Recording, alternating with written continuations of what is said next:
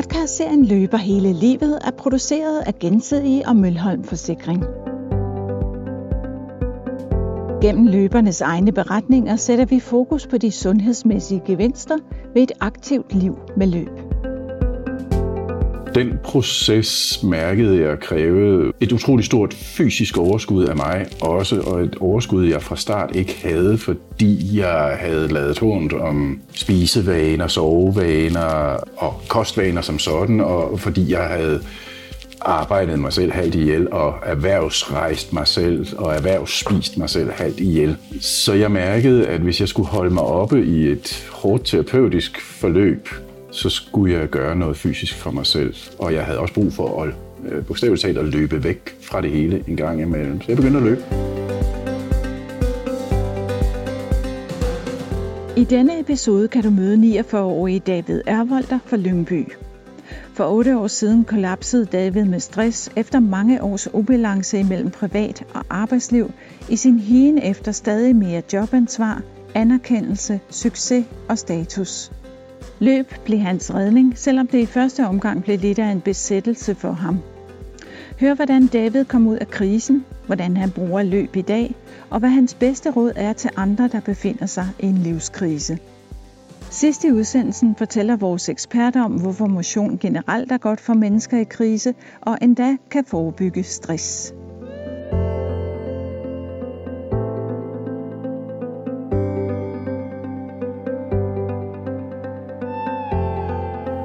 Jeg havde i mange år arbejdet på konstant at skinne på mit arbejde i form af større ansvar, bedre resultater, flere striber på skulderen, øh, større firmabiler med flotte jakkesæt, mange rejser. Alt sammen baseret på et konstant behov for at blive anerkendt for mine resultater og viste sig efterfølgende øh, jagten på øh, lov til at være i verden, øh, hvilket viste sig at, at, at skyldes nogle, nogle, nogle barndomstraumer, som blev sat fri, da jeg ikke kunne magte det pres, jeg havde sat mig selv under på mit daværende arbejde, og derfor i en kombination af uro på hjemmefronten, socialfronten og arbejdsfronten, gik massivt ned med stress. Og det sygdomsforløb, der startede der, i gang satte en hel del andre ting, som lukkede op for, for fortrængte traumer fra min barndom. Det, der skete, det var, at øh, jeg gik voldsomt ned med stress, så øh, min, min, min arbejdsgiver på det tidspunkt gav mig terapeuthjælp eller midler øh, til terapeuthjælp, som i sit forløb med mig på et bestemt tidspunkt kom til at trykke på de forkerte eller rigtige knapper, om man vil, som gjorde, at jeg simpelthen kollapsede psykisk, og hun derved stod med øh, en situation, hvor jeg fik kommunikeret til hende, at jeg var blevet misbrugt som barn seksuelt, og at hun stod med en situation, som var ude af hendes kompetencefelt, og hun derfor måtte få mig i behandling øjeblikkeligt hos eksperter på området. Jeg havde holdt dæmonerne for døren i mange år, og hun kom så i sit arbejde med den stressmæssige side af mig og, og de følelser, der var i det, til at røre ved noget, som bare har ventet på at komme ud i mange år. Og jeg var ganske umedgørlig fra start, fordi jeg havde slet ikke lyst, men samtidig havde jeg ikke lyst til ret meget andet end at blive hjulpet. Jeg havde ikke lyst til at leve, fordi det, jeg, alt ramlede, hele mit liv ramlede sammen. Øhm, og jeg havde desperat brug for nogen, der skulle holde mig i hånden til at øh, holde fast i livet med, med fingerspidserne. Hvad skete der så? Der skete det, at jeg kom i øjeblikkelig individuel terapeutisk behandling for, for senfølger af incest. Samtidig blev jeg sat i en mandegruppe, og for at gøre en relativt lang historie kort, så resulterede de to placeringer foran en, en individuel terapeut og en mandegruppe i, at jeg i en periode på 4-5 år gik i ugenlig terapi for at forstå, hvad der var sket, og forstå at håndtere mig selv, og forstå at forlige mig med, hvem der havde gjort hvad mod mig. Og frem for alt lære det ulykkelige barn inde i mig at kende.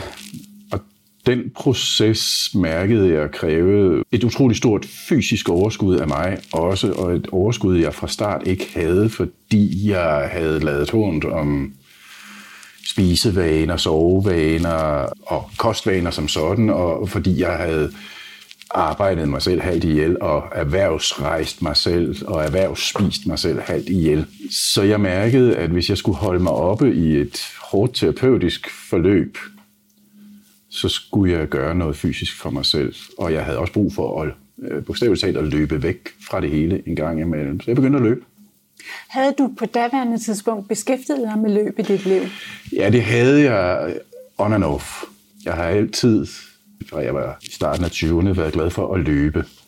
Uden at have været særlig god til det. Men jeg, så havde jeg godt kunne mærke, at det at løbe og løbe langt, var noget, jeg nød. Men det, det kom og gik efter, alt afhængig af, om jeg følte, jeg havde tid, eller øh, hvilket job jeg havde, og hvor meget mit job krævede af mig, og som regel, så, så, eller de jobs, jeg tog, dem ville jeg have skulle kræve rigtig meget af mig. Så det var så som så med, hvor, hvor struktureret løb var for mig dengang. Det blev det så efterfølgende. Og hvordan ændrede det sig så fra at være ustruktureret og måske sporadisk til noget andet? For det første, da jeg blev sygemeldt fra mit daværende arbejde, der fik jeg lige pludselig tid til alt. Jeg havde ingenting at lave, udover at gå i terapi.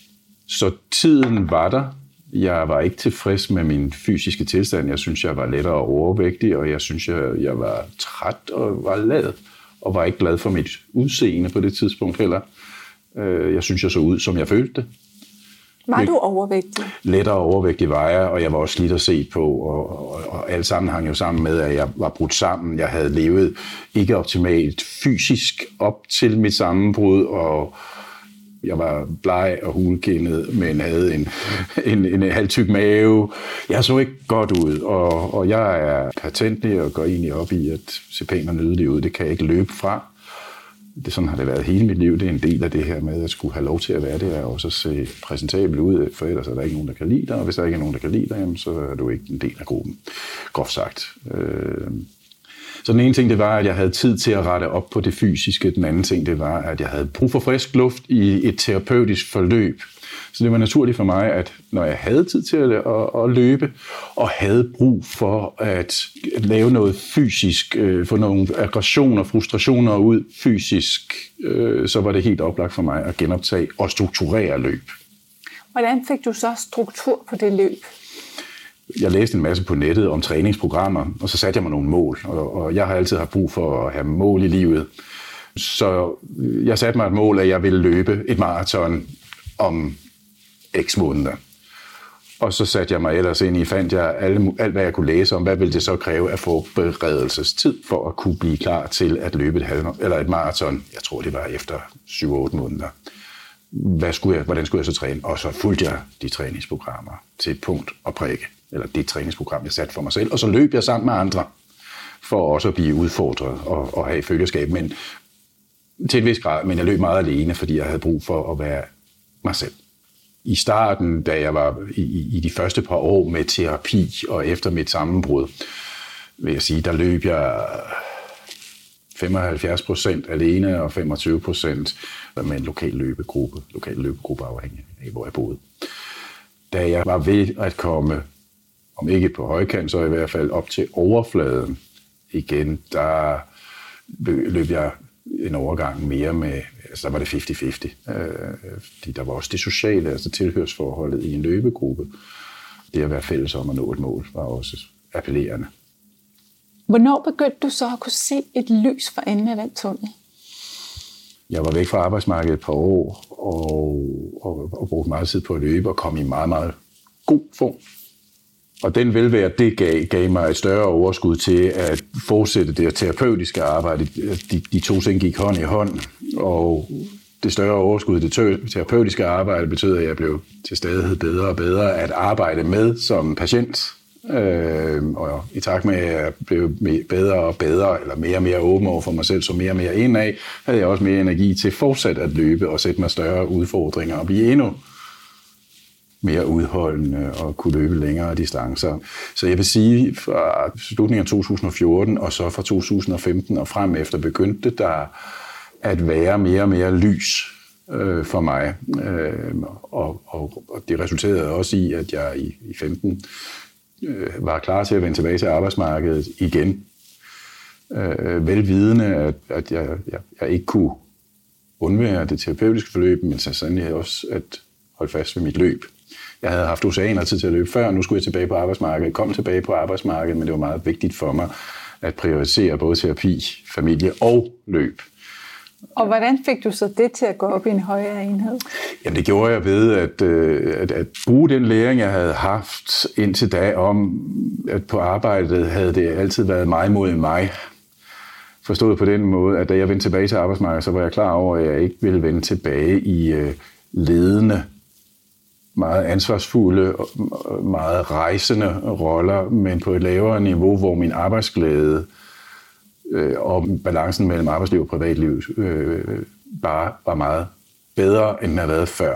Så jeg gik, jeg, hvad skal man sige, jeg trådte ned af karriererangstigen, men, men op af jobtilfredshedsrangstigen, og fik dermed øh, bredere prioriteter på plads, mere tid, gik, til, gik normal tid fra arbejde, havde, havde mere overskud til mine børn, og havde mere overskud til frem for alt mig selv. Og har løbet også haft øh, den indvirkning på dit liv, at du har fået mere overskud til familie? Og... Det synes jeg bestemt, og det siger mine omgivelser også. Altså, og til dags dato er min kone øh, det bedste eksempel, eller min hendes adfærd over for mig er det bedste eksempel på, øh, at det er tilfældet, fordi hun ved, hvornår hun skal sige til mig, om ikke jeg burde løbe mig en tur. Hun kan godt se, når jeg bliver sværere at have med at gøre, så er det en god idé at få luftet mig.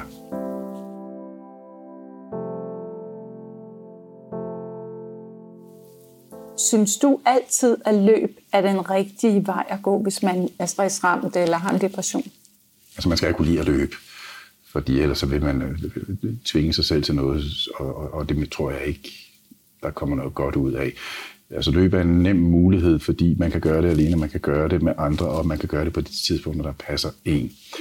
Men, men jeg har mødt mange, der har sagt, at jeg er nødt til at løbe, fordi det er den bedste måde at øh, komme over enten noget fysisk eller psykisk på, selvom jeg egentlig ikke bryder mig om det. Så tror jeg aldrig, hvis, hvis løbeglæden ikke er der fra start, så kommer den ikke.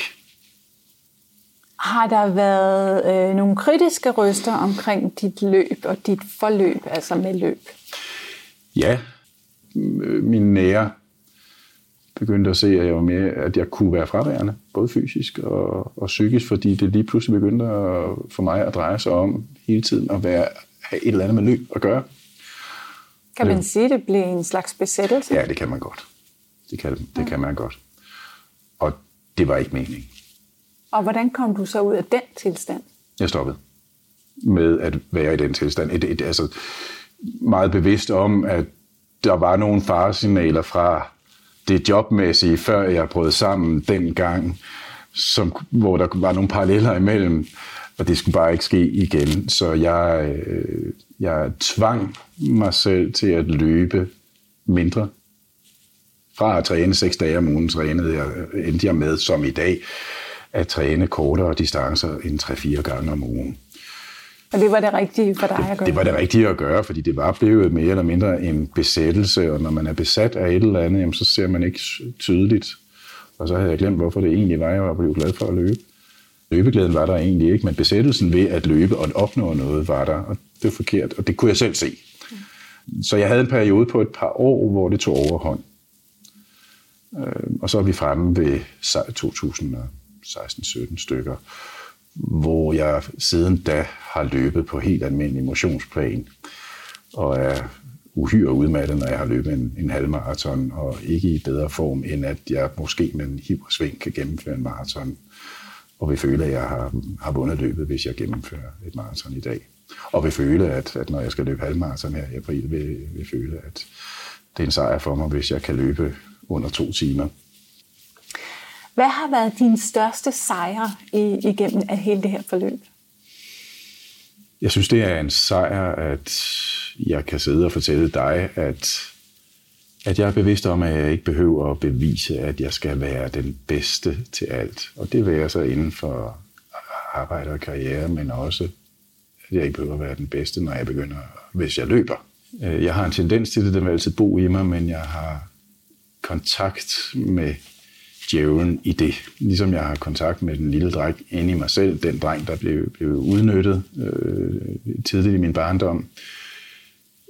Og at kunne sætte ord på det og kunne mærke mig selv, og ikke kun tænke intellektuelt, hvordan man skal agere i livet, det er en sejr for mig. Og så er det også en sejr for mig, har været en sejr for mig, og føler, at jeg sejrer, når jeg bare løber, i stedet for at sejre, når jeg gennemfører et eller andet mål i et løb. Kort sagt.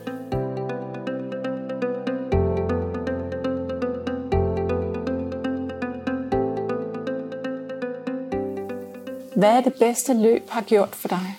Jeg har stor glæde ved om vinteren at klæde mig på i en masse af lag tøj, og det er stadigvæk er koldt udenfor, så går der 10 minutter, og så har jeg det varmt indeni, og det er koldt udenfor, og selvom det stormer og blæser, når jeg kan mærke min krop, det gør mig utrolig glad, og det har været et problem for mig, inden jeg brød sammen, at jeg ikke kunne mærke mig selv. Jeg levede i, det, i mit eget intellektuelle univers. Jeg forstod, at jeg, her skal jeg mærke mig selv, men gjorde det egentlig ikke. Så min hjerne fortalte mig, hvad jeg skulle. I dag, der mærker jeg mig selv, og det gør jeg, og når jeg løber, og når jeg bliver udmattet af løb, eller udfordret, eller gennemfører et løb, så mærker jeg i høj grad, at, at hele maskineriet kører. Så det, det, er, det er det lange svar, som dækker over mange øh, underliggende. Øh, jeg bliver glad hver gang, jeg gennemfører noget i dag.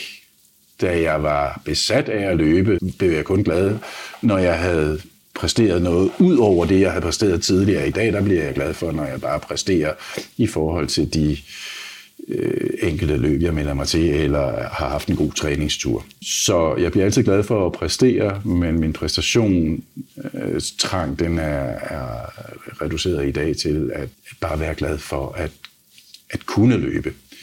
Øh, så det betyder også, at jeg sender mig selv ud på en løbetur, når jeg har hovedpine eller ondt, ondt i mit ben. Og, kan, og jeg bliver glad, når jeg kan mærke, at jeg har brug for at løbe. For eksempel i dag er det torsdag. Jeg har ikke løbet siden i søndags.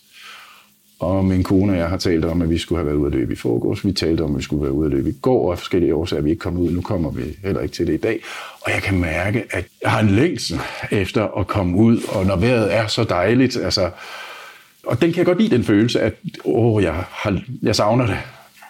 Ja, øh, man skal måske lige sige til lytterne, at vi sidder her den 28. februar, og det er jo nærmest forår udenfor. Og selvom jeg godt kan lide at løbe med masser af lag tøj på, som jeg sagde før, så øh, gør vejret selvfølgelig noget ved en, og jeg vil gerne snart ud og lufte stikkelsbærbenene øh, og løbe, øh, med, altså dufte foråret, som måske, selvom det er den 28. februar, er på vej allerede.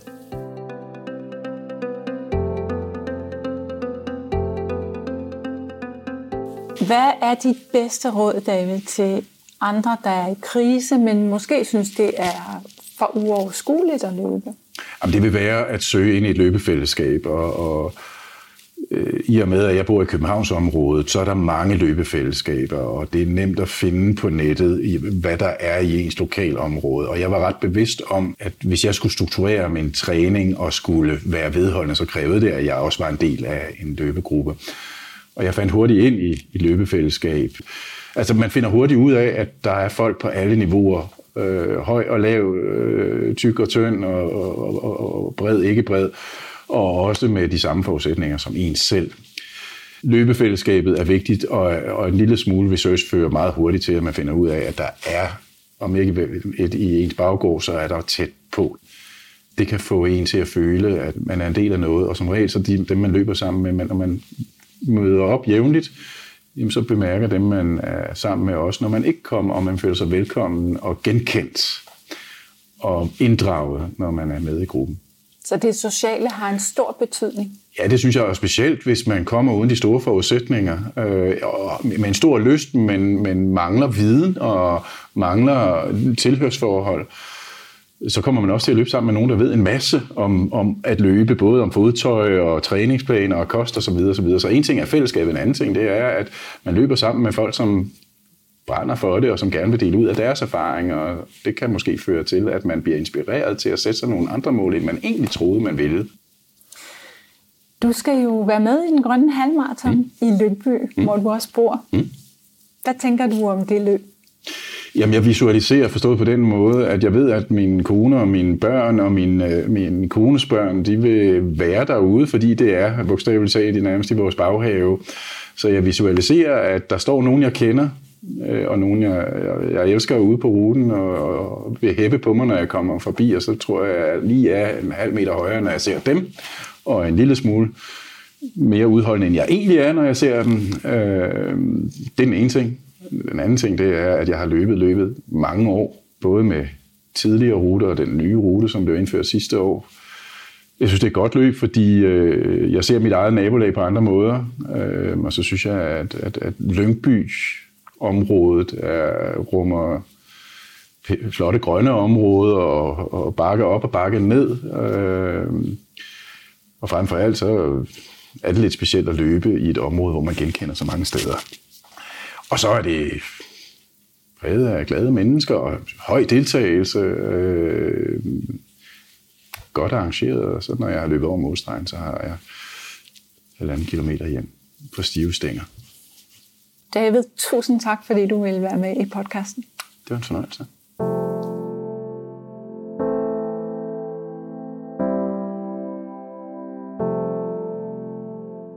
Og så giver vi ordet til vores ekspert, psykolog Nila Maria Stris, direktør i Encounter og konsulent for Mølholm Forsikring. Nila fortæller, hvorfor motion generelt er en god idé, både som forebyggelse og behandling. Altså, der er rigtig meget evidens for, at øh, motionen øh, er lindrende på, på psykiske lidelser, sådan helt generelt. Så hvis man er stresset, og hvis man er øh, deprimeret, eller man, man har nogle psykiske problematikker, så ved man, at enten løb eller anden form for motivation vil have en rigtig stor effekt. Og man ved også, at det faktisk kan forebygge psykiske lidelser. Så man kan også med den viden øh, dyrke noget motion og, og være sikker på, at man i hvert fald ja, forebygger øh, stress for eksempel. Og hvad nu, hvis man er i øh, det der sorte hul, hvor man ikke engang kan se, at motion vil være godt for en? Hvad kan man så gøre? Der er nogle mennesker, der er så triste og så langt nede, at, øh, at, at man bliver meget passiv, fordi man ikke har overskud til at, at lave nogle, for, øh, nogle former for lystbetonede aktiviteter. Men øh, så vil man, hvis man er så langt nede, opsøge en professionel, der kan hjælpe øh, med motivationen, hjælpe med at opstille nogle mere realistiske lystbetonede aktiviteter, man så kan starte med. Så det handler meget om at ikke at sætte sig alt for store og urealistiske mål, men at sætte sig nogle mål, der er sandsynlighed for, at man, man kan øh, få succes med. Kan man ikke sige, at måske kunne man bare komme ud i naturen? Vil det være lige så godt for ens helbred, eller er det fysisk hård træning, der skal til, som for eksempel løb? Jeg tror, man skal være meget forsigtig med sådan at opstille øh, normer for, hvordan man skal gøre, hvordan man ikke skal gøre. Fordi der, der er jo individuelle forskelle, og det er meget individuelt, hvad der er meningsfuldt for det enkelte menneske. Nogle vil helt klart tale for, at det allerbedste og det mest virkningsfulde, det er meget hård motion, øh, det er løb, og så er der andre, der vil tale for, at det er yoga eller noget helt andet. Men det vigtigste er, at man øh, finder frem til, hvad er det, der giver dig øh, mest energi, og hvad er det, der er mest øh, afslappende for dig at, at gøre. Er løb eller motion generelt noget, som du opfordrer dine øh, klienter til, hvis øh, du kan se, at der kunne være et behov for at komme ud? Det vil jeg sige var sådan en almindelig praksis hos en psykolog, at man opfordrer til motion. Men man går ind sammen med klienten, som vi jo kalder det her. Hvor jeg arbejder, så går man ind sammen med mennesket, den, den enkelte, og finder ud af, hvad vil være mest meningsfuldt og givende øh, og afslappende for vedkommende. Vores interviewperson, David, han gik fra at have løb som terapi over i løb nærmest som en besættelse. Hvilke faresignaler skal man være opmærksom på, øh, hvis man kommer ind i en form for besættelse? Jamen det man kan være meget opmærksom på ved alle former for afhængigheds øh, ja, øh, lidelser, misbrugslidelser, det er, at øh, man skal være opmærksom på, at den her aktivitet, eller hvad det nu kan være, ikke får sådan en hovedrolle i ens liv, og, og lige pludselig bliver meget vigtigere end andre vigtige ting man skal være opmærksom på, at, øh, at man ikke bliver så overoptaget, at man begynder at isolere sig, øh, begynder sådan at aflyse andre sociale arrangementer og andre ting, der også er vigtige i livet. Balance er rigtig, rigtig vigtigt. Det, det er noget af det, man skal være opmærksom på, at det ikke får en, en for stor hovedrolle i livet, og at det ikke øh, begynder at spænde ben for alle mulige andre energigivende aktiviteter også. Når man begynder at blive afhængig af en aktivitet, så er et typisk faresignal også, at man jo godt ved, at det er, at nu, man, nu er det gået for vidt, og man ved faktisk, at, øh, at det har en skadelig virkning, og på trods af det, så kan man ikke stoppe, og på trods af det, så bliver man ved.